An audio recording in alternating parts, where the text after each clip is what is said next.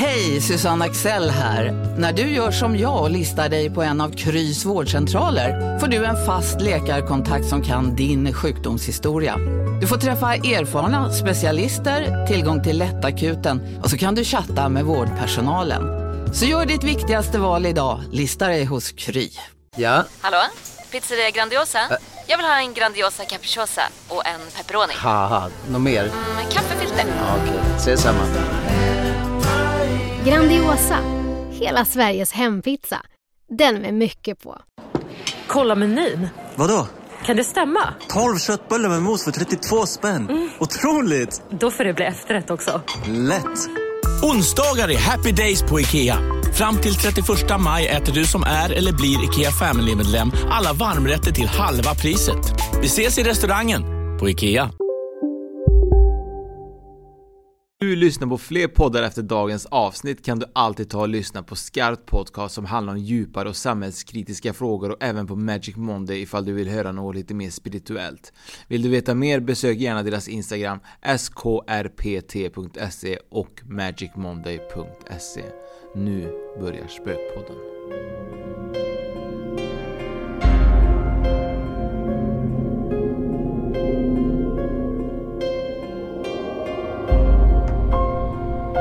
Jag kan säga så här att den här dagen har jag faktiskt väntat på. Ja, det har du. Mm, jag har gjort det. Jag har likat och likat och försökt verkligen förstå att han ska förstå att jag existerar. Men det gick ju inte fram tills du kom in i bilden. Nej precis, så det var väl någon mening med att jag skulle komma in i bilden då kanske, i ditt liv? Ja, verkligen. Och eh, du tog kontakt och då var det inga problem. Jag vågar ju aldrig, jag bara likar bilder. Ja, det är ju skillnaden mellan dig och mig. Jag tar kontakt och du likar. Jag likar. Nej då. Absolut inte, men så är det ju inte riktigt. Nej. Nej. Men, men, men sen får man inte glömma heller att eh, har man ett visst antal följarslag så ser man ju inte alla likesen. Det är inte som vi som kan se våra 200-300 likes. Ja precis, vi ser ju varje like. Vi ser varje like. Eh, Så det här är ju liksom, eh, jag förlåter våran gäst idag. Eh, Det är ju eh, säkert eh, just nu Sveriges kändaste medium. Ja. Skulle jag kunna säga. Jag vågar säga det. Jag står för det. Ja, men du är modig också. Jag är modig. Mm. Eh, I alla fall när det är tänt. Eh, Och eh, det är ju så att vi har med oss Andreas. Det har vi. Ja, och det är inte vilken Andreas som helst ju. Nej, utan det är Andreas Österlund. Mm. Mm. Eh, vad sa du exakt egentligen i, om du säger det efternamnet långsamt? Österlund. Ja, vad bra. Jag är ju alltid så dålig på namn så jag har alltid tänkt såhär, heter han Österlund? Och så tänkte jag såhär, sa du rätt nu eller Östlund? Ja men det är Österlund. Jag är, jag är lite imponerad på att du kommer ihåg vad han heter i förnamn också. Ja, men det är ju klart jag gör. Jag har ju likat alla hans bilder ju. Det är jättekul att vara här och jag måste börja med att be dig om ursäkt. Det är ju, jag, jag vet att jag har fått ett PM, det stod så här, hej, eh, vi har startat den här podden. Jag tror det var när ni började. Ja, det är det säkert. Så bara, skulle du vara intresserad av att vara med så skulle vi bli superglada. Eh, och jag svarade inte på det. Nej. Bad karma. Nej. Det är, Men nu sitter vi ju här. Vi gör ju det. Ja. Det var meningen att vi skulle ses just idag. Ja. Mm. Och en vanlig grej är ju oftast att, att det är så här, hej Anders Östergren, jag har följt dig ända sedan start. Och man säger, nej det har du inte. Eller så har du uppfattat mitt namn fel. Eller Andreas Östlund, eller eh, ja, Anton Östergren. Det är, vi är kärt barn har många namn kanske. Jag vet inte. Ja. Så är det. Jag eh, är ju extremt dålig på namn alltså. Jag, jag menar så extremt dålig på namn. Jag har till och med ringt Dyslexiförbundet och typ så här, för jag är, alltså det, min hjärna det släpper liksom. Jag kan känna människor i 20 år och så kan jag fortfarande säga fel namn du vet. Och jag kommer ihåg när vi spelade in med Benny Rosen Kvist. Eh, och jag sa Rosenström till honom och det, det, det oftast blir så här, det blir fel och det känns typ så här, det är inte meningen. Men det kan uppfattas att jag kanske är liksom nonchig. Men det är inte det, det är bara att min hjärna den, den får inte upp informationen. Nej precis, och sen är det ju någonting med namn, namn är ju personligt och namn bär man och man bär det hela livet så att man kan ju förstå också om någon känner lite illa vid sig att så har man bjudit in någon till en podd och så vet man inte vad han eller hon heter Nej. Men det är faktiskt som, som Oskar säger att det handlar inte om nonchalans överhuvudtaget Nej, absolut inte. Nej och det är ingen fara, mina vänner de brukar kalla mig för Adde. Mm. Eh, och det är helt enkelt för att där jag växte upp utanför Kolmårdens urskogar, eller i Kolmårdens urskogar kan man säga.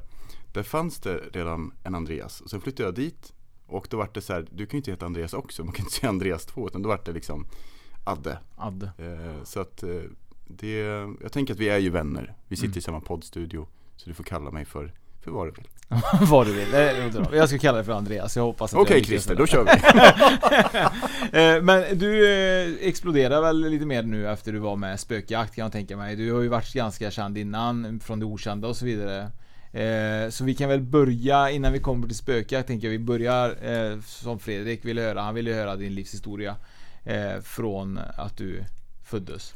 Mer eller mindre. Mm. Ja, ja, jag vet ju att han har fötts så att det, det, det kanske vi inte Ja. behöver veta men, men vad var det som startade? Eller hur, hur gick startskottet? Det är ju, alltså startskottet, jag har fått fundera mycket på det där Ehm, Och eh, de flesta som känner till mig Om man tittar på en bild på mig ser jag ut som vilken snubbe som helst För jag är en helt vanlig snubbe Eh, Kanske med en, eh, en eh, djup förkärlek för allt vad andevärlden och, och det andliga sökandet innebär Ehm, Ehm, så det här med, med mediumskapet, hur, hur tusan blir man det? Hur, hur kommer man in på det och hur upptäcker man det här? Det är ju eh, jag kan nog pinpointa min början i det här sökandet att jag är fem år gammal. Och eh, vi har i princip flyttat då, jag föddes i Stockholm 1985 och jag och mina eh, fyra syskon och föräldrar vi flyttade ner till sommarstället som ligger då ganska nära Kolmården, eh, precis vid havet där, Bråviken. Och eh, vi hade inga grannar där ute. Eh, inte den bemärkelsen att man kan springa över gatan och, och liksom då hänga med någon så, utan det var fem kilometer till närmsta granne. Eh, så väldigt ensligt. Och eh, tack och lov hade jag mina syskon att leka med så det, ingenting fattades ju mig på, på så vis. Men jag minns en vintermorgon när det var, på den tiden var det fortfarande snö. Antingen var det för att jag var väldigt kort eller så var det det faktiskt fortfarande var 20-30 cm snö.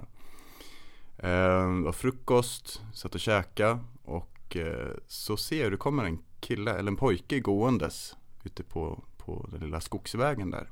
Och det tillhör ju inte vanligheten. Det kan ju tänka er själva om det är så långt till närmsta granne. Så det är inte så att folk knallar förbi ute i ingenstans då. Så jag reagerar ju på det här. Eh, och pappa undrar ju vad jag, vad jag pekar på sådär. Så att han, han tar på sig stövlarna och går ut, kommer tillbaka efter ett tag och så säger han så att men du Andreas, det var ingen där. Eh, han lägger till till och med att det var inga fotspår i snön. För jag hade hävdat hur den här pojken hade tultat upp i, i snön, upp till våran tomt eh, klättrat upp lite mot räcket och vinkat till mig. Han såg ganska besynnerlig ut, han såg ut som att vara klädd från en annan tid, vilket han också var då. Men eh, där minns jag, jag minns fortfarande känslan av hur det var att jag såg någonting, jag övertygade övertygad om att jag hade sett det här. Och min omgivning inte kunde copa riktigt med det jag såg. Så från den dagen, eh, på barns vis, så tänkte jag att det finns en hemlig värld. Lite som kanske i Narnia, eller eh, alla andra, ska man säga, parallella hemliga världar på något vis. Så jag tänkte ju aldrig på det som andevärlden. Eh, och det här höll ju på tills man kommer upp i den här åldern när det inte riktigt är okej att låtsas kompisar längre. Eh, man börjar märka på mamma och pappa att de var lite så här, oh men Andreas, så här, skärp dig. De skulle berätta om sin dag. Man var så här, oh men så träffade jag en gubbe nere vid sjön. Vad var det för gubbe? Nej men han hette så här och han, han eh, hade bara ett ben och gick på kryckor liksom. Eh, såg ut som en så här soldat typ och mamma och pappa bara jo, mm, så, okej. Okay. Och det gick bra i skolan, så, ja jo. Så att jag började hålla det här mer och mer för mig själv för att, för att någonstans så märkte man att det var inte riktigt okej. Okay. Men upplevelserna de var i stort sett på daglig basis. Eh, och det hände mycket skumma grejer hemma också som jag oftast fick, fick eh, fan för. Det kunde vara liksom att köksstolarna stod på liksom, köksbordet eller att alla skåpsluckor öppnade sig. Ehm, det kunde vara möbler som liksom dansade inne i mitt sovrum. Och så dörren smälls upp och bara Andreas nu får du ligga still i sängen. Och jag säger jag gör ingenting. Så att det var, det var lite knepigt att vara så kontakt med andarna och inte förstå vad man var i kontakt med. Så kan man säga. Men var du någon gång rädd under den här eh, tiden? När det hände? In, inte som barn, för då såg jag ju dem lika klart som jag ser er. Eh, däremot när jag blev tonåring, eh, yngre tonåring där, då började jag se, se dem mer som skuggskepnader, som, eh, som eh, något hotfullt. För det är ju så med oss människor att vi är eh, instinktivt programmerade, att det som är okänt är farligt. Så enkelt är det. Mm. Så ser vårt programvara ut i vår hjärna. Och den har inte ändrats på tiotusentals år. Eh, och så lägger man till också då att, att man känner sig kanske lite missförstådd. Och där började jag fundera på om jag faktiskt var frisk. Ehm, Men va, varför tror du att de började bli suddiga när du kom upp i tonåren och de var så himla klara i femårsåldern? Har du funderat på det? Jo men det, jag har kommit fram till den här slutsatsen egentligen att som barn är man så otroligt öppen. Så att man ifrågasätter inte vad som är fiktion och vad som är verklighet. Utan det, det man ser, det ser man. Barn är så himla direkta i sina upplevelser. Och sen när man är yngre tonåring, jag vill ju hävda att tonåringar, trots att de ibland kan känna som att de kommer från en annan planet, så är det eh, unga vuxna eh, egentligen. Eh, jag minns själv hur jag kunde liksom rationalisera olika saker, jag kunde planera, ta ansvar, man skötte sina studier, man tog sig till skolan med bussar och sånt där. Ehm, så att någonstans ville man nog bara passa in. Man ville vara liksom eh, duktig på fotboll, man ville, man ville ju smälta in lite grann. Så att eh, det här med andevärlden, jag hade läst ganska mycket då. Eh, gick mycket till biblioteket i, i eh, den närmsta staden där jag gick i skolan också. Och eh, fastnade tidigt för litteratur som behandlade då pseudovetenskap och, och nyandlighet. Och eh, jag tyckte om att höra mycket spökberättelser.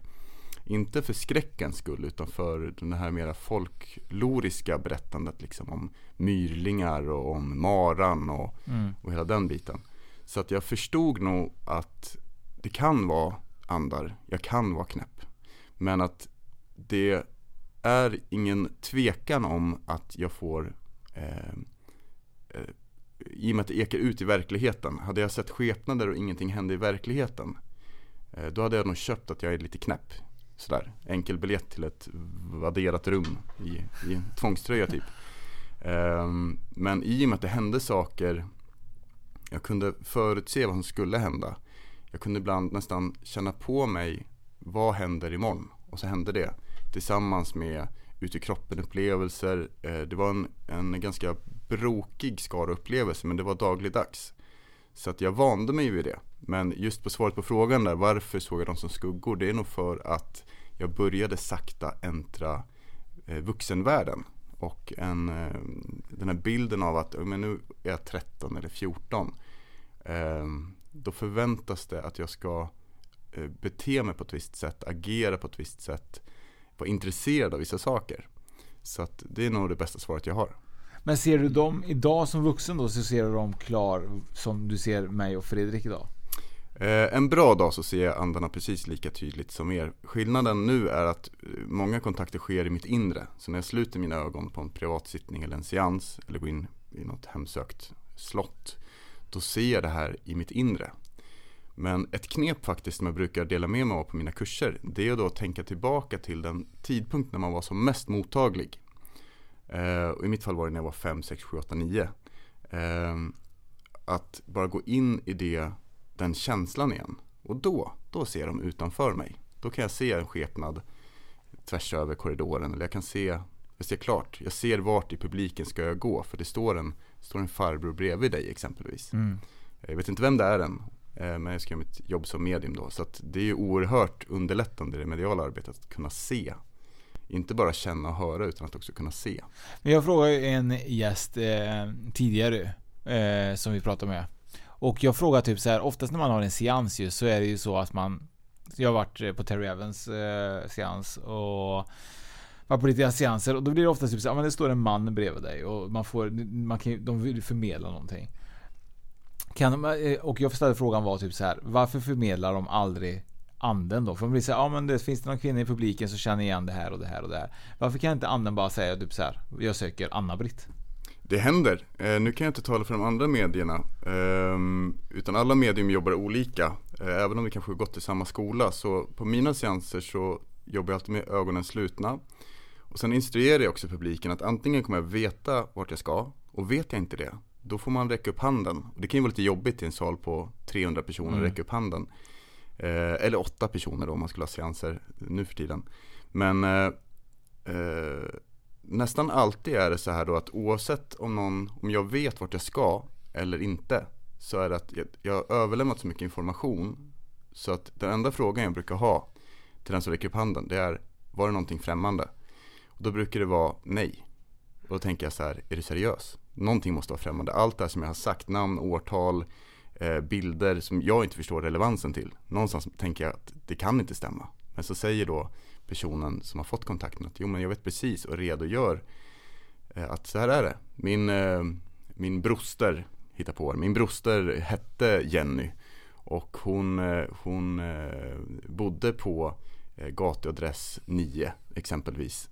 Och hon hade en vit bil och eh, hon gick bort på det här sättet och du fick fram de här fyra namnen. Det stämmer in på hennes fyra pojkar som hon har. Okej, okay.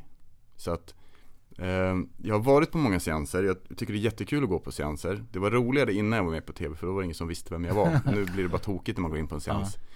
Eh, men på seanserna så är det oftast att, att mediet kan ibland stå och nästan fiska. Och där kan jag väl känna att det är lite, det är väl lite tråkigt. Alltså att, att, och då tänker jag själv så att det här mediet kanske har en dålig dag och inte har alla kanalerna öppna.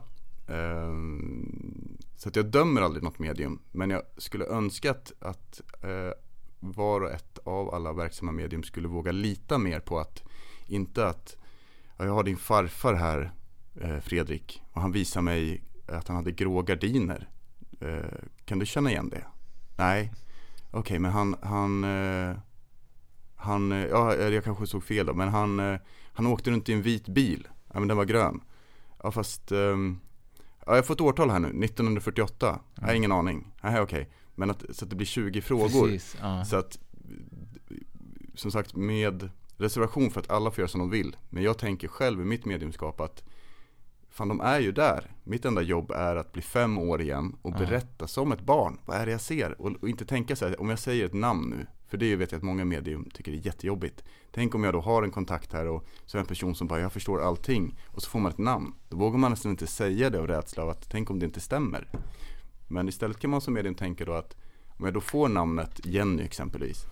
Kan jag säga det att jag får ett namn till mig. Jag vet inte om den här anden hette så, eller om det är nära anknytning. Men jag får namnet Jenny. Och så visar det sig i nio fall av tio att den här anden hette Jenny.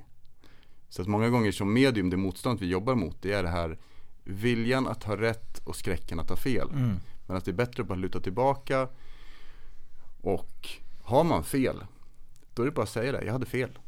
Men är du så, alltså jag tänker så här, det, det, det, är så svårt för en som inte är medium eller andlig på det sättet överhuvudtaget. Man har ju, alla har väl sin andlighet men ja, vissa har ju en förmåga utöver det vanliga kanske.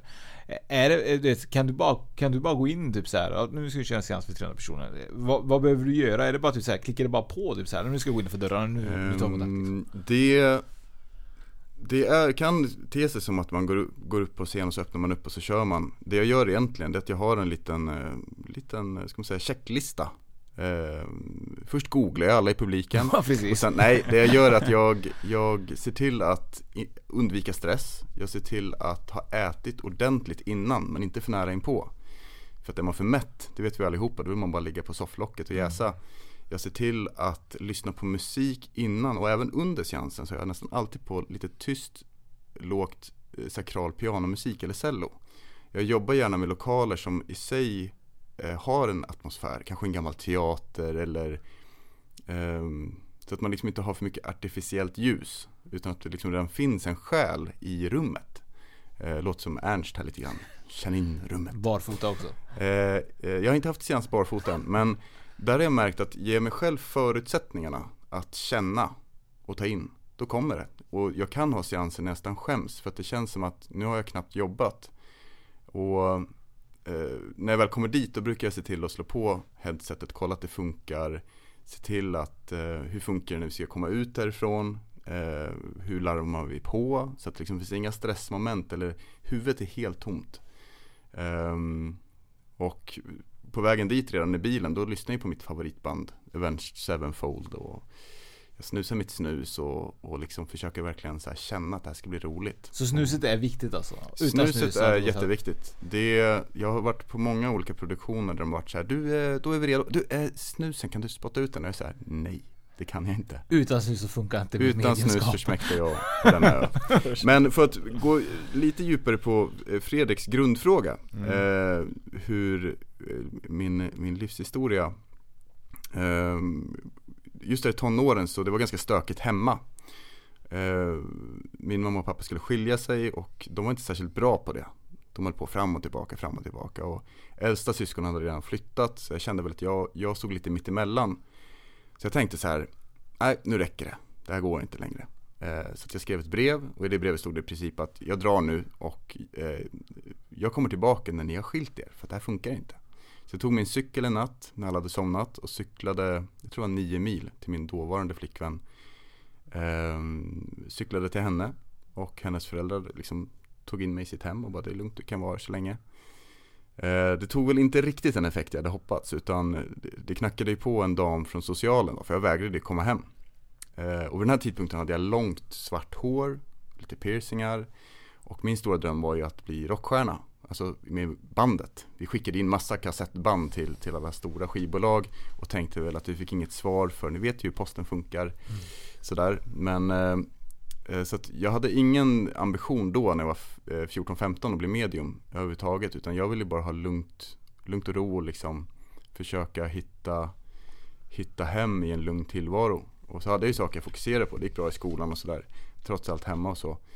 Men eh, den här damen från socialen, hon sa det att, att ja, det var lite möten såklart också. Men hon sa väl det när hon kom att du kan inte bo här för du är inte myndig. Så att du får följa med mig nu. Jaha, och jag var lite mer såhär, men du jag har en plan, jag har skivkontrakt och grejer. Jag såg ut som en, en ors från Sagan om ringen typ. så att det var bara vackert sätta sig och så hamnade jag på ett fosterhem. Långt ute ingenstans på en bondgård. Eh, det är ganska lustigt ibland hur det ena leder till det andra. Eh, min, alltså orsaken till att jag är medium idag, den, den, är, den är kristallklar när man ser det utifrån min historia. För att kvinnan som drev det här fosterhemmet, hon, hon var personlig vän med Terry Evans och Iris Hall. Och hon hade gått deras kurser och eh, Iris brukade stanna till ibland. Hon gick ju bort 2010 gjorde hon. Men hon och Terry hade väldigt mycket, hur ska man säga, Eh, båda kom från England och båda liksom kom in i Sverige på grund av att, att vi är väldigt mottagliga, väldigt öppna som, som folk för, för det utomsinnliga, för det okända, för andra världen. Så att jag fick ju mer eller mindre en gratis mediumutbildning. För att det tog väl tre dagar. Jag bodde här en månad gjorde jag på det här fosterhemmet. Eh, och höll kontakten sen med henne.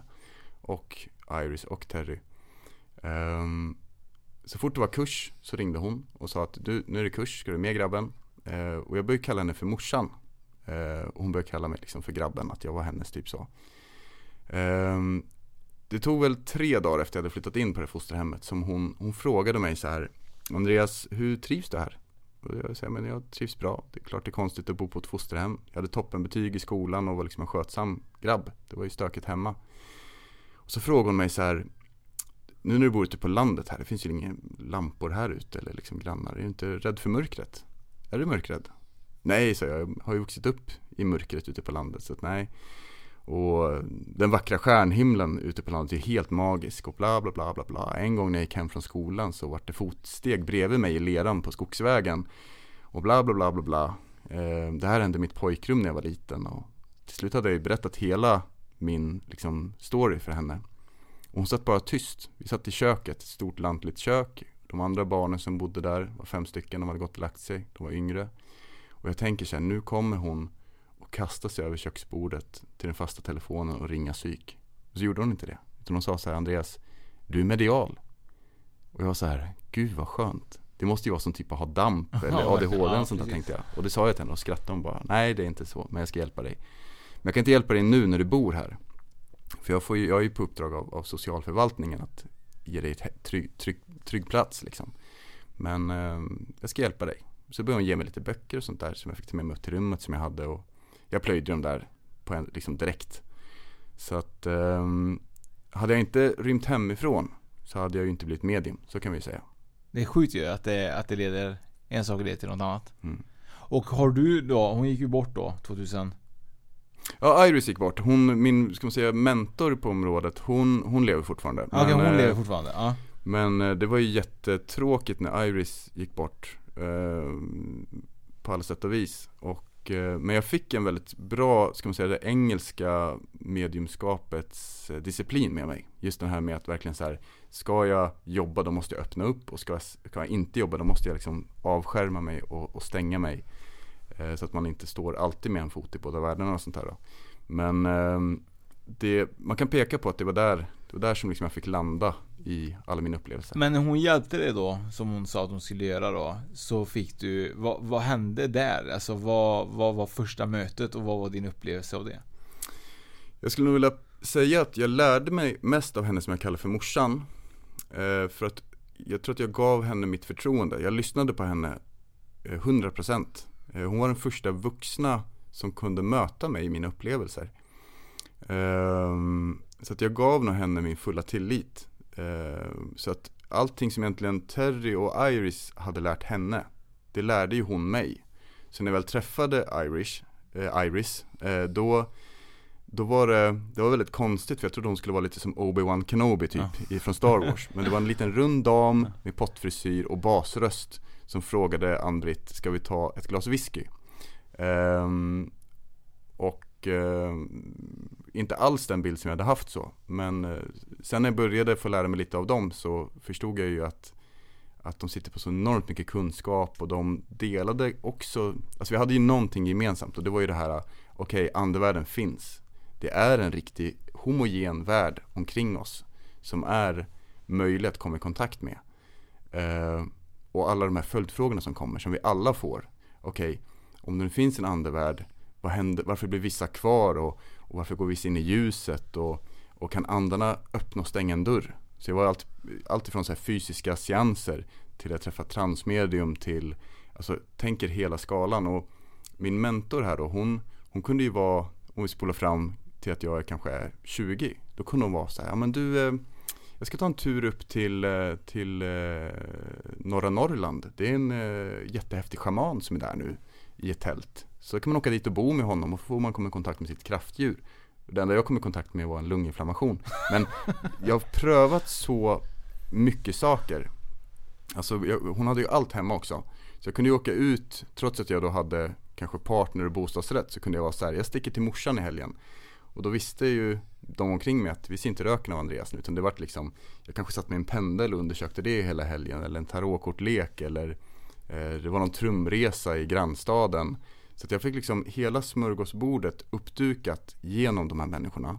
Och de lät mig få misslyckas och liksom att Andreas bra, då har du hittat ett till sätt som inte var för dig. Och sakta sakta så liksom hittade jag ner till vad är mitt game, vad är min grej som medium? Um, så det var, och där vet jag ju att många runt omkring mig på de här kurserna var som Andreas du måste ju bli medium, du är ju jätteduktig. Um, så det kunde bli om vi var på en kursgård, Romsbergsgården exempelvis, som när den var igång var den legendarisk liksom. Då kunde det vara att jag satt där liksom som 17-åring med min lösnus och mitt långa hår, som jag fortfarande hade.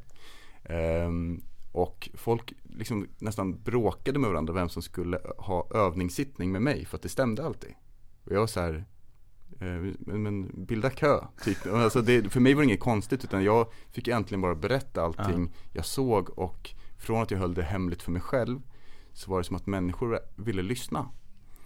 Ehm, så att eh, mediumskapet för mig det betraktar jag med en väldigt stor ödmjukhet och eh, sen vet jag inte om det är en gåva eller förbannelse. Jag skulle nog vilja säga att den största gåvan att få vara medium det är att få veta att det finns en mening. Jag hittar min mening så tidigt. Och just tilltron är att om jag bara följer mitt hjärta och min intuition, alltså jag tänker till vardags i livet, everyday life, så blir det jävligt bra.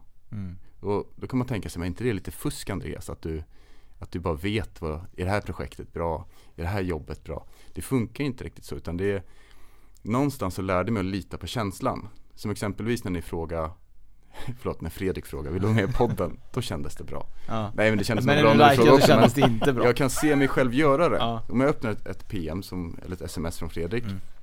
Du skulle vilja vara med i podden eh, då och då eh, Så ser jag hur jag är där med Jenny Ja men det är klart vi ska vara med Jag bara vet att, att jag ska vara här Samma sak om någon frågar så här, du eh, Vill du hänga med på den här resan eller på det här? Kopplat till, till livet i övrigt så kan det ibland vara så att det låter jättekul, gud vad kul att sticka till Sweden Rock eller någonting, jag gillar ju rockmusik.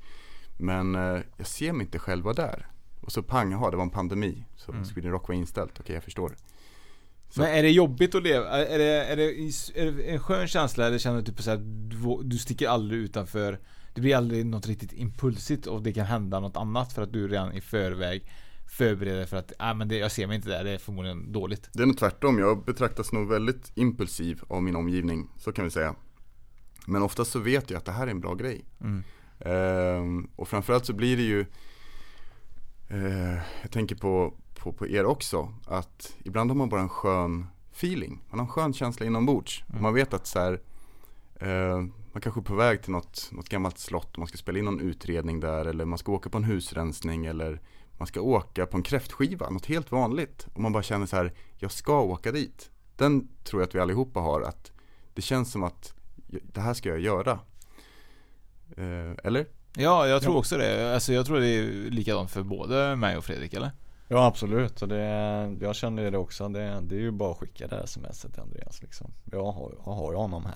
Ja men det är lite grann det så här, att du skulle vara med i podden till exempel. Du, Ja, ja, ja. Och det, och det kände ju inte, det föll sig ganska naturligt på något vis. Mm. Ehm, ja, men det är klart. Men det är nog lite så tror jag, typ så här, att vissa grejer så för, för, det, alltså det blir ju naturligt och andra grejer Ja. blir ju inte lika kanske Nej. eh, lätt i vissa sammanhang. Typ att du kanske ska göra ett, ett jobb någon annanstans. Du bara, nej men det här känns inte bra. Även om det skulle kunna vara något stor erbjudande. För jag menar, nu kommer du till Spökpodden men det kanske varit en annan podd som är ännu större. Men då kanske man ändå känner att nej men det, det känns skönare att gå till Spökpodden ändå. Att man Mm. kan få den magkänslan. Jag av väljer ju sällan efter, ska man säga, plånboken Utan min grundintention var så Nej, att du så fick ju länge 40 000 här hos oss ju. Nej. ja, precis, precis Det var, det, de började vifta med en kopp kaffe och så lite till Nej, eh, utan någonstans är det ju att så länge jag kan sätta bröd på bordet Mm. Så kommer jag att jobba som professionellt medium Mm. Och jag har ingen utsvävad livsstil Utan de gånger i sociala medier som det kan vara så här att, att eh, det ser ut som att det är något extravagant omkring mig Då är det ju oftast för att jag är på en plats i- på ett uppdrag. Mm. Eh, sen skriver jag ju kanske inte att jag bor där då, utan att jag nu är på uppdrag. Men det- det finns en, jag har upplevt att det finns en ganska seglivad myt om att så fort man är med i TV så bara poff har man massa pengar. Och det funkar inte riktigt så. Det är klart man får bra betalt för att vara med i TV, men det är inte det som driver mig. Och det var faktiskt en, en eh, det var någon som hörde av sig till mig på sociala medier eh, här, eh, det låg väl överst, så stod det typ så här Hej Andreas, jag är tveksam till dig som medium. Eh, Det känns som att du bara dyker upp i mediala sammanhang, alltså i media. Eh, Det känns inte äkta. Och då vart jag ledsen, jag vart så här, men jag jobbade som medium innan det. Och det är inte det som driver mig. Eh, Så att på ett sätt kan jag faktiskt sakna, jag är jävligt tacksam över alla mina samarbeten med, med tv-kanalerna och sånt där. Men jag kan sakna det genuina, alltså från början när jag väl bestämde mig för att nu ska jag jobba som medium, eh, då var jag kanske 20.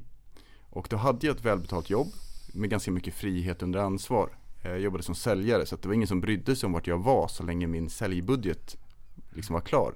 Så jag var hellre så att men jag öser in min säljbudget på en vecka så det är ingen som bryr sig vart jag är resten av månaden. Utan bara att jag, jag är ute på lite representation, jag tar en liten lunch här eller vad det kan Mm. vara. Men det jag gjorde i själva verket, det var att när jag inte hade mina, mina barn och inte behövde vara på jobbet. Det första jag gjorde det var ju så att jag åker, jag åker till Luleå. För det var någon som typ här, hej gör du husrensningar? Jajamän. Vet ni hur långt det är till Luleå när man åker bil? Ja, ja. Det lär man sig då om man inte har liksom Men jag uppfattning. tror inte du ska känna någonstans typ så här att jag förstår att du känner tillbaka till den genuina grejen Men jag tror typ så här att alltså en vanlig människa förstår ju att det är ju som vilket jobb som helst, man jobbar ju upp sig. Och i, i din bransch så kanske man jobbar upp sig just på det här sättet att det blir media och att man blir igenkänd så. Det är ju väldigt svårt som medium och skapa sig ett rykte om man inte har rätt forum liksom. Och det är ju det som är så himla tråkigt att folk ibland kan då känna en sån känsla. Men det oftast handlar det om att i vilket yrke som helst. Det är som att säga typ såhär. Ja det var ju tråkigt när du jobbar på lagret men nu är du ju chef. Du har ju glömt det så här. Alltså det är ju så inom allt arbete.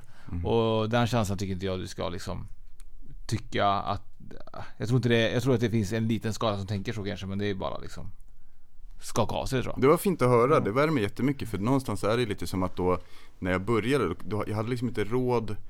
Jag tänkte så här, jag måste ju ändå ta betalt för jag kan inte åka till liksom tvärs över landet och gå back. Eh, Även om mina första uppdrag var helt ideella.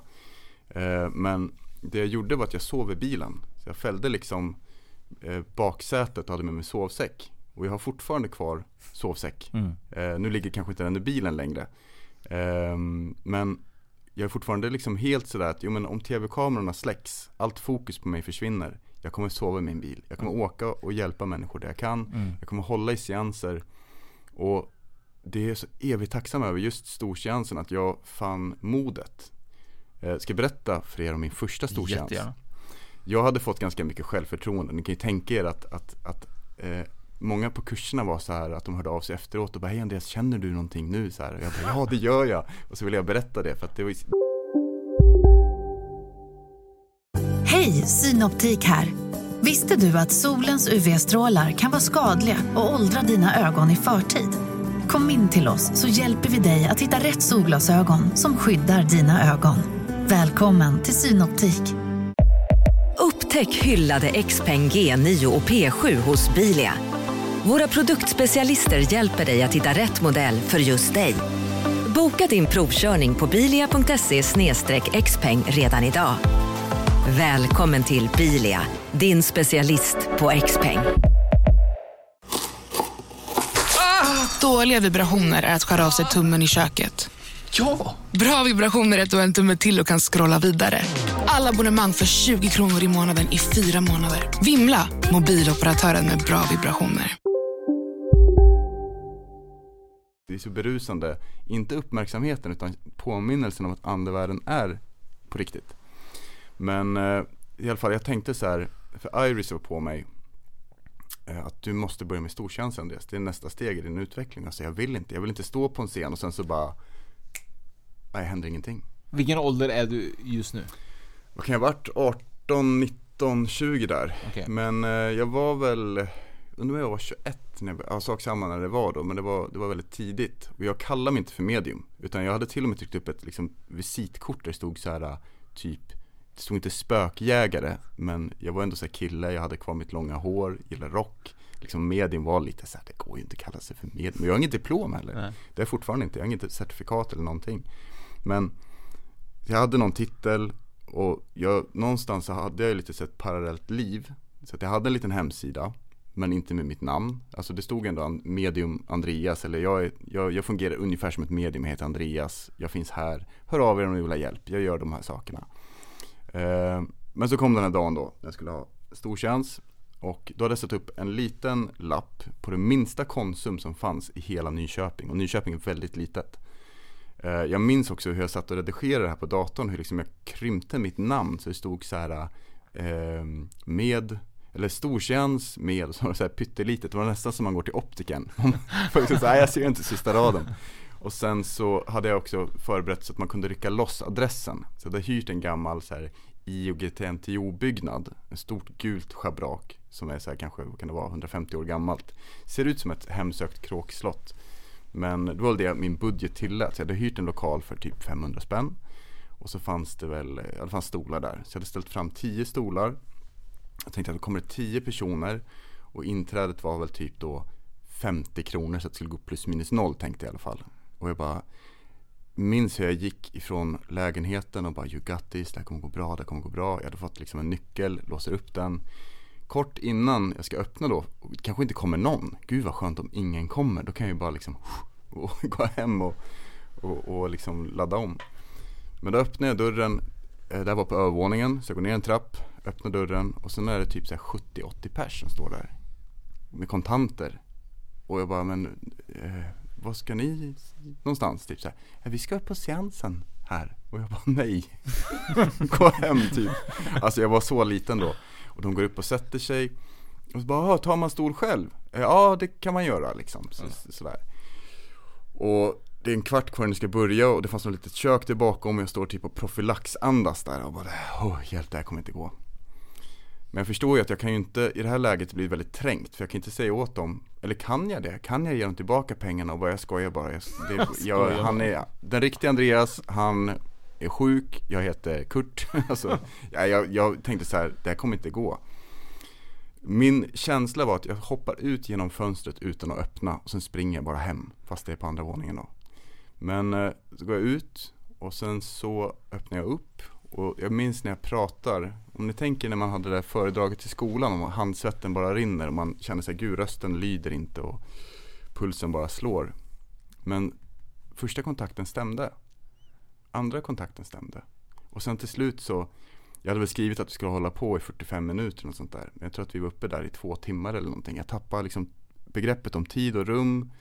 Och så kom jag hem och bara tack andevärlden för att ni liksom inte svek mig där. Um, sen när jag hade gjort kanske tio sådana seanser, då kom det här självförtroendet som jag tror många mediala där ute längtar efter. För att man vet vad man kan luta tillbaka på. Inte gamla meriter, utan man vet att ja, men, andevärlden kommer komma. Och det som i själva verket gör att vi medium snubblar lite grann på våra seanser, det är att vi är kvar i den osäkerheten. Så mitt råd till, till dig som lyssnar som kanske själv vill jobba som medium eller jobba som medium och har det motigt. Eh, det är asjobbigt att gå emot sina rädslor men det är också det bästa ni kan göra för det är där vi växer.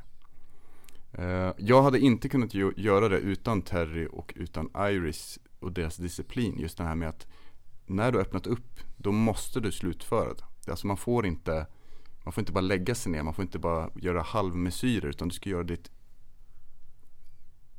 jag höll på att svära, yttersta. Ja, du får svära. det är okay. Men, om vi går tillbaka då, för du nämnde det i början där den, med den engelska disciplinen. Mm. Eh, och det, det, är ju det du pratar om nu också. Men vad, vad skiljer den från, ja, säg då den svenska disciplinen, kan man säga så? Eller vad, vad, vad, vad menar du med den engelska disciplinen lite mer? Att, är det att slutföra? Men, men hur slutför man då? Eller vad? Är det inte bara öppna upp inom citationstecken eller och stänga ner eller? Jätterelevant fråga. Jag skulle vilja säga så här att jag tror att mycket av det mediumskap som lärs ut idag, det kommer från början från den, den engelska skolan. Men att det har blivit, eh, vilket det ska bli, det har blivit mer adapterat till den svenska, eh, den svenska, ska man säga, kulturen. Eh, och vi har nog vår alldeles egna mediumkultur och tradition i Sverige. Som jag eh, omfamnar eh, 100% det finns ju baksidor på myntet med den engelska läran. Eh, där det är, eh, jag var på någon workshop, jag minns inte vem det var. Jag vet även en av mina lärare som, vi hade en ganska hetsig diskussion kring det. För det var så här, du måste berätta hur personen dog. Och jag sa, varför då? Jag var ju ganska ung då. Alltså jag var ju ifrågasättande av min natur. Men jag kan fortfarande tänka sig, men varför är det relevant? Om det kommer igenom att um, ska vi ta saker som inte finns på Google, saker som man inte kan veta. Då räcker det. För att syftet som medium, det var en kanal. Och berätta det som kommer igenom och inte kräva av andevärlden eh, att jo, en sista sak, hur dog du? Det är, inte, det är inte alltid det som vi behöver höra när vi väl tar oss mod att gå på sittning. Att jo, jag känner här hur, hur din, eh, din kära fru, hon eh, hon dog en fruktansvärt våldsam död. Hon, hon led ju jättelänge när hon fick hjälp. Och det, var ju, alltså det, det, är inte, det är inte kärleksfullt. Och jag tänker att, att eh, kärleken är ju en av de största, eller det är den största kraften vi har. Eh, som medmänniska och medium. Och eh, ibland kan jag få saker som jag inte berättar. Det kan vara på en scen. Säg att du skulle sitta i publiken, eh, Oskar, och så eh, är det någonting som är så här, oh, det här var tungt. Då kan jag säga det, så här, men du, jag tar det här med dig sen. Kan du stanna kvar? Mm. För att jag skulle inte vilja höra det här i ett publiksammanhang med flera hundra omkring mig. Eller samma sak om jag är på en sittning med, eh, med dig Fredrik och så skulle det vara någonting som jag känner att ja, jag, får in det här men det är inget jag ska berätta nu. Utan då kan jag också vara så här att du Fredrik, jag har en till sak som jag kommer vilja berätta för dig. Jag vill att du åker hem och liksom så här, glömmer bort att vi, alltså, det känns som att vi har aldrig träffats för att det, det har gått så lång tid eller vad det kan vara. Eh, och när du känner dig redo för det är en grej som jag tror du kommer tycka är lite jobbig, så hör av dig till mig. Kostar ingenting utan jag liksom bara berättar det här. Eh, då har det känts bra. Och kan någon vara så här två dagar senare, bara du, jag har legat sömnlös nu i två dagar för vad det du sa Andreas. Det här händer inte så ofta ska jag säga. Men det är klart det jag säger så här, oh, så här är det Fredrik. Men då tänker jag också att du befinner dig i ett, i, ett, i ett ögonblick där du är mottaglig för att höra det. Och på något vis är det som att att själva auran i mötet den ska få vara utifrån vad jag intuitivt känner att det här är det som andevärlden egentligen vill berätta. Så vissa saker kommer igenom när det ska. Så där har jag varit väldigt mycket fram och tillbaka med mina mentorer. Ehm, och någonstans så har jag tagit det bästa av den engelska läran och det jag själv tycker är så här att jo, men om jag skulle träffa ett medium, inte att jag dömer hur det ska vara, utan det här är min bedömning att ska jag göra det här då måste det ske på det här sättet. Mm. Nej jag tänkte bara, äh, vet det, nu tittar på mig som Fredrik eh, så jag blir såhär, tappar upp vad jag skulle säga. Men jag tänkte lite grann så här, är det så nu när man får äh, lite mer äh, utrymme i media och känd och så vidare. Känner du att kraven stä, alltså det, att det blir högre krav på dig och att du får prestationsångest av, av det här? Det har varit en jätteutmaning men den, den har kommit gradvis. Jag har kunnat liksom anpassa mig in i det och, och liksom reflektera kring hur jag vill förhålla mig kring den pressen som jag lägger på mig själv. För det är oftast det det handlar om. I och med att jag vet att lägger jag för mycket press på mig själv, då kommer det inte funka. Så då är det bättre att jag försöker nästan tänka på vad jag ska göra sen. Ja, när jag kommer till hotellet då ska jag ta en varm, lång dusch. Kanske knäppa en pilsner mm. och äta något gott. Eller om inte Jenny är med så ringer jag hem till henne eller vad det kan vara då. Så det um, det kom jag fram till efter att, jag minns en särskild stortjänst jag hade. Det var i, eh, det var i Hedemora i Dalarna. Var det. Jag älskar Dalarna. Eh, men då hade jag lagt in en stortjänst eh, dagen innan midsommar. Eh, och jag hade inte förstått hur stort midsommar var i Dalarna då. Så det var ju mest en kö hela väg 70 upp till Dalarna. Och eh, det var väl jag minns inte vem det var men det var någon som bara, men Andreas, att arrangera något dagen innan midsommar i Dalarna, det, alltså, det kommer nog inte komma någon, bara så att du är inställd på det. Och så kom det väl 40 personer kanske, 45. Och det var så skönt för att de, um, på den tiden så var det liksom att ingen visste ju vem jag var. Och då kom inte heller någon press. Så att eh, jag började tänka mer på det. Att vänta här nu, de som har köpt biljetter, alla har kanske inte tittat på programmen. Alla har inte läst min blogg eller lyssnat på våra poddar eller vad det nu kan vara. Utan de är kanske där av helt andra skäl. Tillsammans med att eh, faktiskt är det så att alla går inte på seans för att få kontakt. En del går dit för att få träffa likasinnade. Eller för att eh, eh få vara, ta del av Tänk om någonting händer ikväll, ungefär som vi åker på paranormala utredningar. Det är ju för att vi hoppas få en personlig upplevelse som, som någonstans gör oss trygga i existensen. Så att genom att jag påminner mig själv inför en seans, om jag skulle känna den pressen, att vem är publiken? Det här är män och kvinnor som kommer för att de är färdkamrater på det här sökandet som jag är ute på. Och enda orsaken att jag kallar mig medium, det är för att folk ska förstå vad jag gör. Ungefär som att en snickare säger att han är snickare. Mm. Så att jag brukar vara ganska tydlig och eh, tänka på det även när jag är med på TV. Att jag är samma kille eh, off cam. För då behöver jag liksom inte, jag behöver aldrig liksom gestalta någonting. Eh, utan eh, även, visst det blir väl ganska allvarligt i många program men det är för att man är så fokuserad. Jag är fortfarande samma kille. Man lägger inte till sig med något maner utan och det, det har varit ett jätte, jättehjälp för mig. För jag har ju kollegor både Eh, i Sverige och internationellt som kan känna sig väldigt ensamma. För att de de kan känna att de har så mycket att leverera.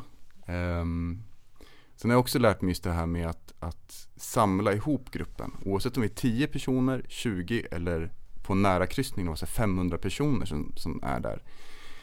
Um, att, att få ihop gruppen.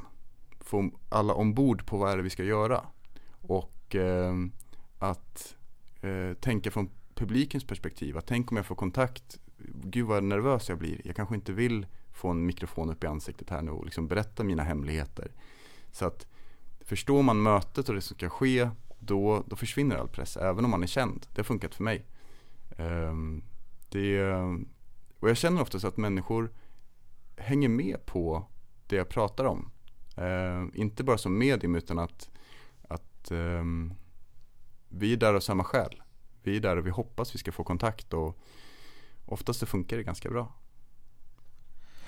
Ja, jag tänker lite grann, du pratade ju i början eh, att du hade långt hår och du är så här rockig och så vidare. Mm. Eh, jag kommer ihåg dig från Det Okända, men då var du ju helt rakad ju. Mm. På, på den tiden. Vad, hur var det att vara med i Det Okända? Och hur blev du liksom, vad, vad hände för att du kom dit? Eller hur kom du dit från start? Jag var ute och gjorde en husrensning på en ö. Eh, hos en ganska då eh, det var deras ö. Så jag tänkte väl att de var nog ganska välbeställda. Det behöver man nog inte vara medium för att tänka sig att har man sin egna ö. Ja men det har jag och Fredrik också. Ni har det? Ja, jättelite. Ja, men då så, då kan vem som helst ha det. Nej, jag skojar Nej, men de, det var ett stort fint hus och de, de var jättetrevliga. Eh, men eh, jag gjorde en husrensning där, vilket jag, jag gjorde ganska många husrensningar. Det var egentligen det jag började med som, som tjänst. För det kändes så tryggt att där hade man hela spektrat då. Att, att både få kontakt med andra sidan, hjälpa människor till trygghet och sen eh, få dem som vittnen på att vart det lugnt? Ja, det vart lugnt. Då vart man såhär yes, gud vad skönt, gud vad kul. Så slapp du publiken också? Eh, nej, däremot Eller? så kan jag nog känna en, när jag får kontakt på en seans så kan jag känna hur en eh, värme sprider sig i min kropp. Eh, jag höll på, jag låg för döden när jag var ung tonåring. Det är en annan historia, men jag var på andra sidan och vände. Eh, och det är den värmen som sprider sig i mig, att, att jag Mm. bara blir så här, det är det jag söker. Att just den här andevärlden är kvar imorgon också. Mm. Den där vardagen. Eh, så att jag kan känna en tillfredsställelse ur ett andligt perspektiv snarare än ett personligt att fan vad grym jag är. Eh, men just den här husrensningen då som jag gjorde. Han, mannen i familjen, han jobbade väl med media. Han hade flera olika bolag, men han jobbade med media. Och eh, det var inte att de skulle testa mig på något vis, utan det var ju, de behövde hjälp. Det var en väldigt stark och påtaglig husrensning, så två veckor senare så ringer de från eh, Nordisk Film TV och det är någon check tjej som säger det Hej, jag ringer för castingen av Det Okända Eh, Vi har hört talas om dig, skulle du kunna tänka dig att komma upp? Eh, för, och då säger du ja så kommer vi vilja testa dig så vi vet att du, du liksom kan det här då. Vad säger du om det? Och jag sa, oh shit, jag, mitt mediumskap har ändå varit ganska privat. Alltså mina närmsta vänner visste om det och några i grannstaden och några här. Men jag kunde fortfarande vara bara Andreas. Jag var liksom inte mediet Andreas, utan det var min, min passionerade hobby. Men eh, jag sa så här, men kan jag få fundera över helgen? Och det fick jag ju. Så funderade jag lite på vad skulle det innebära om jag lyckas klara castingen, om de tar ut mig. Eh, men så kom jag fram till att jag vill nog bara göra casting för att se, för jag har aldrig blivit testad. Utan det, jag har ju gått emotsagd i flera, flera år av människor som bara har sagt att det stämmer. Men tänk om jag då träffar några i en kontrollerad miljö och får göra, det var tre tester. Eh, om jag klarar dem, då vet jag det. Och så vart jag lite så här, tänk, alltså för jag kollade ju på det okända. Jag kollade ju på Terry, jag kollade på, på Jörgen och på, på Vendela och, och Camilla och alla de här, Birkan. Var detta i början av, alltså hur många säsonger kom du in i? Jag kom nog in ganska sent, alltså jag kom in vid säsong, kan det varit säsong 19 eller någonting? Jag var med i det okända från många. 2015 till 2019. Så jag var med i fyra år kan man Ja. säga. Men, eh, så jag kom in ganska sent. Men eh, de, jag bestämde mig i alla fall för att tacka ja. Och jag tänkte mycket på mina barn också. Så här, men vad händer om, om jag går ut i liksom riks-tv, om jag blir uttagen och säger att jag ser I can see dead people. Vad kan det innebära på sikt för mina barn? Mm. Jag menar, sådär. För mina barn visste inte vad jag höll på med. Eh, men i alla fall, jag åker upp till Stockholm och eh, kommer eh, till, jag tror jag var på Katarinavägen. Vid Slussen så hade Nordisk Film då kontor vid den här tidpunkten. Och Eh, kommer upp, träffar Caroline, Caroline Giertz. Eh, och hon, hon, var, hon var asskön. Hon var, eh, man ser ju den Caroline som är på tv men hon är, hon är ganska frispråkig, väldigt mycket humor, väldigt rak. Det är en sån människa som ser rakt in i en. Och så var det en producent, det var två fotografer, jag tror vi var sju personer i ett rum som var, kan det ha varit, 30 kvadrat kanske. De sitter på en rad och det två kameror och det där starka ljuset som alltid är då vid i tv-inspelningar. Yes, eh, känner du dig redo att hänga av dig? Eh, du ska få göra en privatsittning med en, eh, en kvinna här. Och vi har valt ut en som du absolut inte har någon koppling till och som, som inte har hört talas om dig. Hon, hon liksom, det här är en, du vet inte vem det är. Eh, din uppgift är att, att genomföra en sittning, vi spelar in det. Och eh, så gjorde jag det. Och jag var så jävla nervös att jag läste, höll på att säga läsa lusen av henne, det gjorde jag inte. Men hon fick kontakt. Sen fick fotografen kontakt, Caroline fick kontakt, inslagsproducenten som hade hoppat in, som inte hade berättat att hon skulle vara där, fick kontakt. Det var någon inspelningsassistent som fick kontakt, nästan alla i rummet fick kontakt. Och de gav ingen feedback, utan de sa det också, vi kommer inte ge någon feedback, du kommer inte få veta hur det går. För så är det på det okända, att du kommer gå runt i ett hus om du blir uttagen. Och sen, vi kommer ju aldrig säga att du har rätt. Det är väldigt viktigt att vi aldrig säger det. Vi får aldrig ge dig indikationer på att du är på rätt spår. Så jag tänkte ju bara, det gick ju åt fanders det där. Och sen nästa test, då kom de in med en liten ask. Och så sa de, i den här asken ligger ett smycke. Du ska berätta, eh, vad var det de sa nu? Eh, om det tillhör någon som är levande eller död. Och och eh, om det är en man eller kvinna, oftast kommer det vara ganska lätt att se beroende på vad det är för föremål såklart. Om det är ett herrsmycke eller damsmycke. Men sen ska du också berätta vad den personen har eller hade för hårfärg. Och sen så stämde ju då allting. Det visste inte jag då heller. Och det sista jag fick göra är att jag fick åka till en plats där jag skulle göra typ som det okända. Det här var under en och samma dag. Så det höll på i kanske åtta timmar. Och inte heller där fick jag veta. Men jag fick en liten indikation på producenten och Caroline, inte att de sa någonting utan mer så intuitivt. De var så här, ja men eh, förstår du vad det innebär om du skulle vara med? Och jag sa, nej jag förstår inte. Så berättade de lite vad det skulle innebära um, att vara med. Uh, alltså allting utanför som kanske inte tv tv-tittarna ser. Uh, som exempelvis, vad händer om man över natt ses av en halv miljon människor som är intresserade av det här? Uh, är du beredd att, att du kommer få väldigt mycket förfrågningar? Um, och jag minns en grej specifikt som, som de sa till mig. Det var så att det är väldigt många kvinnor som kommer att höra av sig till dig. Så att blir du uttagen så prata, prata med Pierre. Han har haft jättemycket problem med att många kvinnor hör av sig. Och jag var så här, okej. Okay. Och Pierre blev också lite min, ska man säga, mentor sen på det okända. Uh, inte i den frågan utan mer för att han har jobbat och vi, vi klickar ganska bra. Men uh, det tog väl två månader, hörde ingenting och vågade väl inte skriva heller. Bara, vad kommer tillbaka och bara du är urusel, gå till, gå till vet du det, arbetsförmedlingen heter det. Um, men uh, nej, de ringer mig och så frågar de så här, du vad gör du den här helgen eller det här datumet? Uh, ja, vadå då? Nej men vi tänkte, vi ska spela in, uh, kan du ta dig till den här staden så plockar vi upp dig. Vill du äta innan eller efter med teamet? Är det något du ska tänka på? Då var jag så här, rör inte min snus. um, och det var verkligen så, först, ska jag berätta första inspelningen? Ja, För då var det så här, det var min första gång jag får med tv. Och jag vet fortfarande inte än om det kommer funka det här. Men, men, bara, men var det så att du, du gjorde den här castingen mm. och sen så ringer de bara och frågar vad gör du? Kan du vara med? Eller du, du fick in, egentligen ingen annan indikation Nej, då eller? det var Det är ju ändå så. vadå rätt på? ja, jag hade väl, det var väl en två veckor innan inspelning då och jag hann ju tänka, jag var ju jätteglad när de ringde. Mm. Det blev jag ju. För det var ju så här, det betydde ju att jag hade passat det här. Men jag fick inget svar egentligen på hur det hade gått förrän jag träffade Caroline, för vi käkade innan i teamet, vi behöver ju äta. Och de berättade så här, de myggade på mig med en mygga och jag hade ju tagit egen bil dit.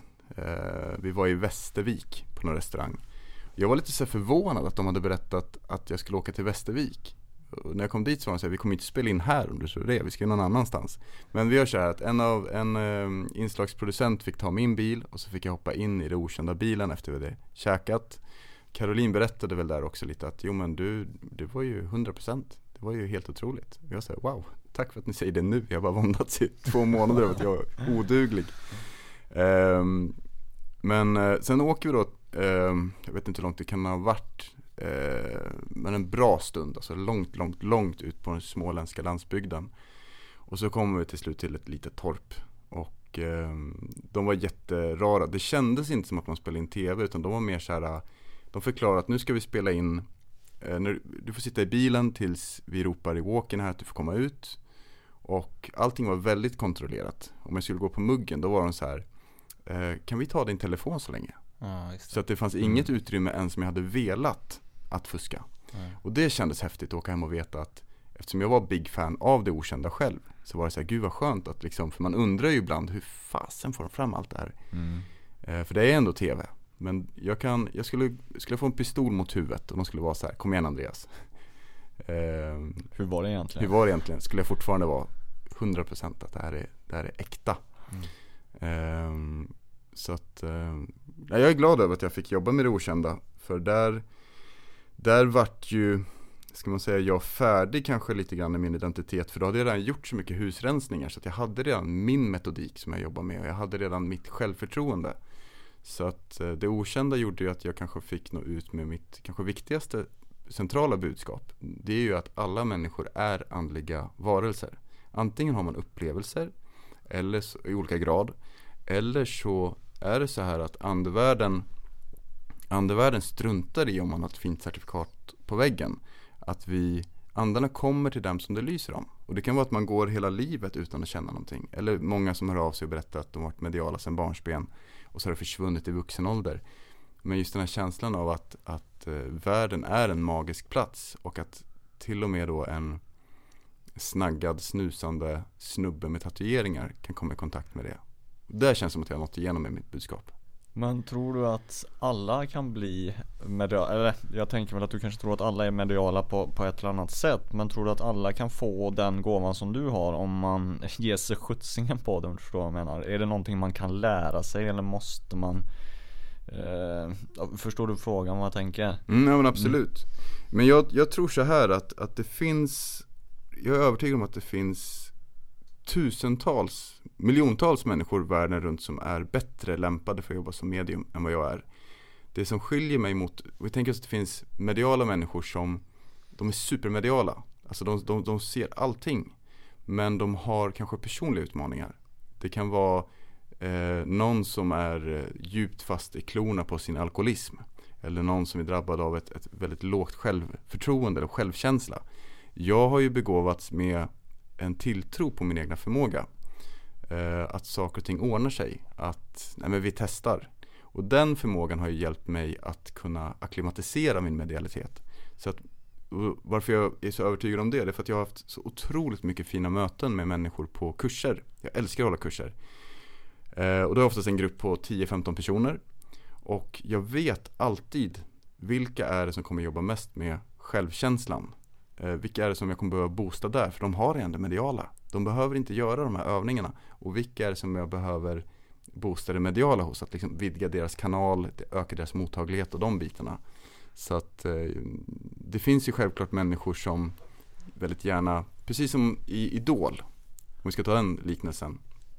Eh, jag menar alla här inne i poddstudion kan ju sjunga, eller hur? Ja, Mer eller mindre. Vi- vi är Mer eller mindre. duktiga. Precis, det är ju eh, Det är ju, en del sjunger som Pavarotti i duschen Men de förstår inte att de är duktiga på att sjunga Utan när kompisarna säger men du måste söka till Idol Då är det så nej, kommer aldrig hända. Eh, Och så finns det ju de som absolut inte kan sjunga Och de som vi ser som man är så här, men, men har inte du en mamma eller pappa som bara Men du är duktig på att rita? Ja, precis. Så, nej så att jag, och jag vill inte ta ifrån dem som, som känner att åh det här skulle jag vilja göra. Utan tvärtom, mitt råd alltid det är att ta er till upplevelserna. Åk till något hemsökt ställe med kompisarna, hyr någon gammal gård. Gå på seanser.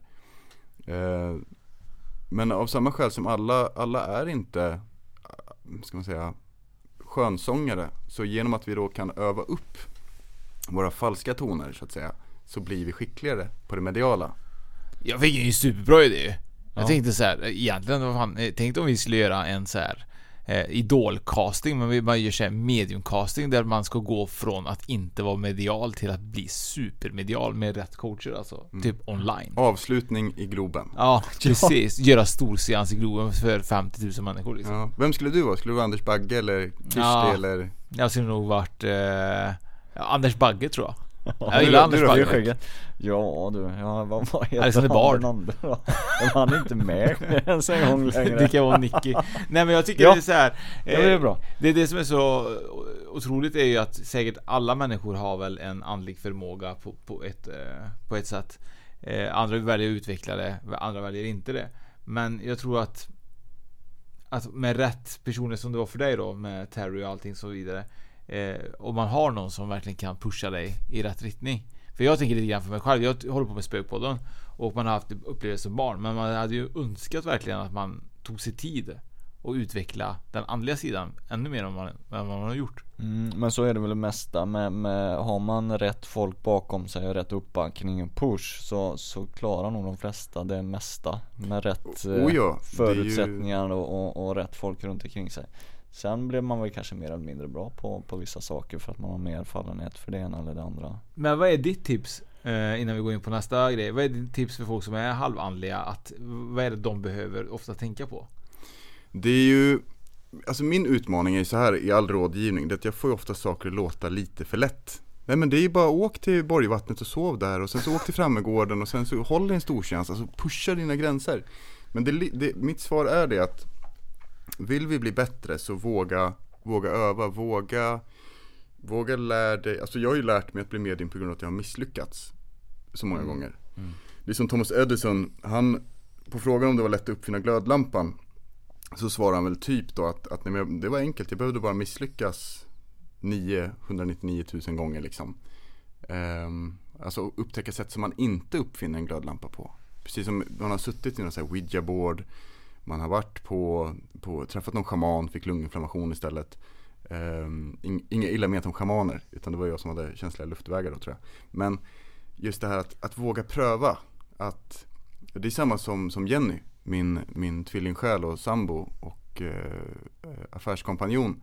När vi går in i ett hus, så vi går in i samma rum. Det här är egentligen mitt svaret på frågan. Vi, vi går in i ett rum, allihopa. Eh, och sen ska vi beskriva det här rummet. Ett rum vi kan se. Om jag skulle beskriva rummet vi befinner oss i nu så är det, det är någon korkvägg. Här till vänster sitter Fredrik. Eh, Fredrik har ett väldigt avslappnat kroppsspråk och Oskar också. Han tittar på mig med, med stora lyhörda ögon. Jenny är här inne, hon ser lite frusen ut. Hon har lånat min jacka. Och eh, atmosfären är varm. Eh, och eh, känslan är väldigt välkomnande här i rummet. Men skulle jag då fråga Jenny samma sak, eller dig, och ni skulle få beskriva rummet utan att ha hört vad jag har sagt, så kommer ni beskriva, du kanske skulle säga att rummet är ungefär 17,5 kvadrat. Och eh, det, du ser det som är bakom mig här. Så att illusionen bakom att många tror att jag kan inte för att jag är inte Terry Evans eller jag är inte Birkan Tore eller, eller något, något annat medium. Eh, det är för att vi, vi tror att vi inte kan. Eh, för det de gör, det vi gör, det är att vi går in och berättar vad är det vi uppfattar. Vad är det vi upplever nu? Och att tänka då ganska logiskt tänker jag att vill vi utveckla det här. Första saken vi måste söka rätt på det är hur vidgar jag min kanal? Och den andra saken, nästan i 99% av fallen så är det ju hur vågar jag berätta utan att hålla något tillbaka? Eh, det är jättemånga som, som jag träffar som säger men jag, jag får till mig saker men sen så vågar jag inte berätta det och sen händer de här sakerna eller det visar sig att det var då min kompis pappa som kom igenom. Jag hörde hans mellannamn som jag inte kände till, men jag vågade inte säga det. Och så faller man lite platt då. Alltså just att våga gå från A till B och berätta allt. Ehm, och ha inte bråttom. Ha aldrig bråttom. Ehm, jag träffade, det här var ganska kul, för jag dra en liten anekdot. Mm. Mm. Jag hade kommit igång som medium och hade börjat med privatsittningar. Det kom ganska sent för det är så intimt samtidigt som jag visste att det brukar gå bra, privatsittningar, eftersom det gick bra på kursgården. Men eh, så är det en kvinna som jag träffar och eh, hon verkar jätteexalterad och vi har en sittning. Hon säger så här, Andreas du är ett jättebra medium och allting du sa stämde och, och hon var väldigt tacksam för det. Och jag ska berätta för dig, jag är faktiskt här för att testa dig lite grann. Och jag tänkte så här, har jag någon journalist eller någonting? Så här, Nej men jag är mässarrangör. Och eh, jag har hört så gott om dig. Och det enda som, som du måste, får, nu får du lite feedback Andreas, men det är att du måste jobba fortare.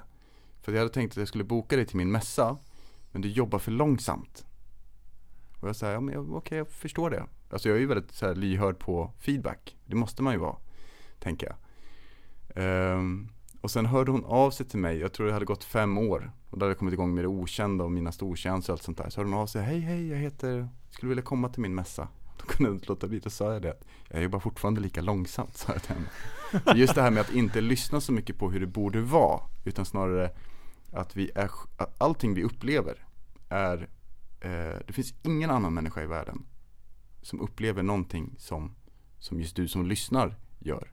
Utan du upplever ju din väg till jobbet, du upplever din kärlek till din partner, du upplever dina rädslor.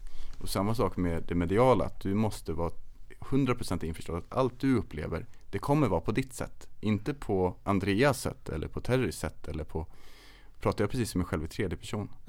Det gjorde jag. ja. ja. men ni är, ni är ombord på vad jag menar. Det är ja. mitt ganska långt utlägg men också ett väldigt viktigt budskap att vi måste få Det finns metodiker men det är vi som är musklerna. Metodiken är skelettet, det är vi som är musklerna. Det tycker jag är super, superspännande. Ja. Eh, jag tänker lite grann så här att eh, vi kör så här för att vi har ju lite mer frågor till Andreas. Se, jag kan ju fortfarande namnet efter en timme. Ja, det, är helt är otroligt. Eh, och, eh, för jag vill gärna veta lite mer vad som hände under eh, spökjakt ju. Eh, med Jocke och Jonna i Huska slott och lite sånt. Så jag tänker att eh, för er som eh, lyssnar på det här avsnittet finns ytterligare ett avsnitt, ytterligare heter det, ytterligare ett avsnitt som är ett bonusavsnitt där vi pratar lite grann om just de här upplevelserna som Andreas haft på slotten. Vad tror du om det? Exakt, det var så jag tänkte också. Så att vi avslutar med de här kloka orden från Andreas och så hörs vi vidare nästa gång. Ja, och innan vi avslutar så vart finner man dig Andreas? I en annan dimension. Nej men jag, Ja. jag tycker om Instagram och YouTube. Så vi har YouTube-kanalen Tvillingsjälar där man kan se allt från vardag till paranormala utredningar. Och sen på Instagram så är det Andreas Osterlund. Och eh, så har vi även ett gemensamt konto jag och eh, Jenny som heter tvillingsjalar.se heter det på, på Insta. Så tvillingsjalar.se Så är det inte själar, det är sjalar de har. Ja, sådana man blir runt halsen. Ja, precis. Men eh, då gör vi så att eh, för er som vill veta lite mer vad som hände under de här spökjakterna får lyssna på bonusavsnittet. Bra. Så får vi tacka så länge. Absolut, tack så ni ha. Tack.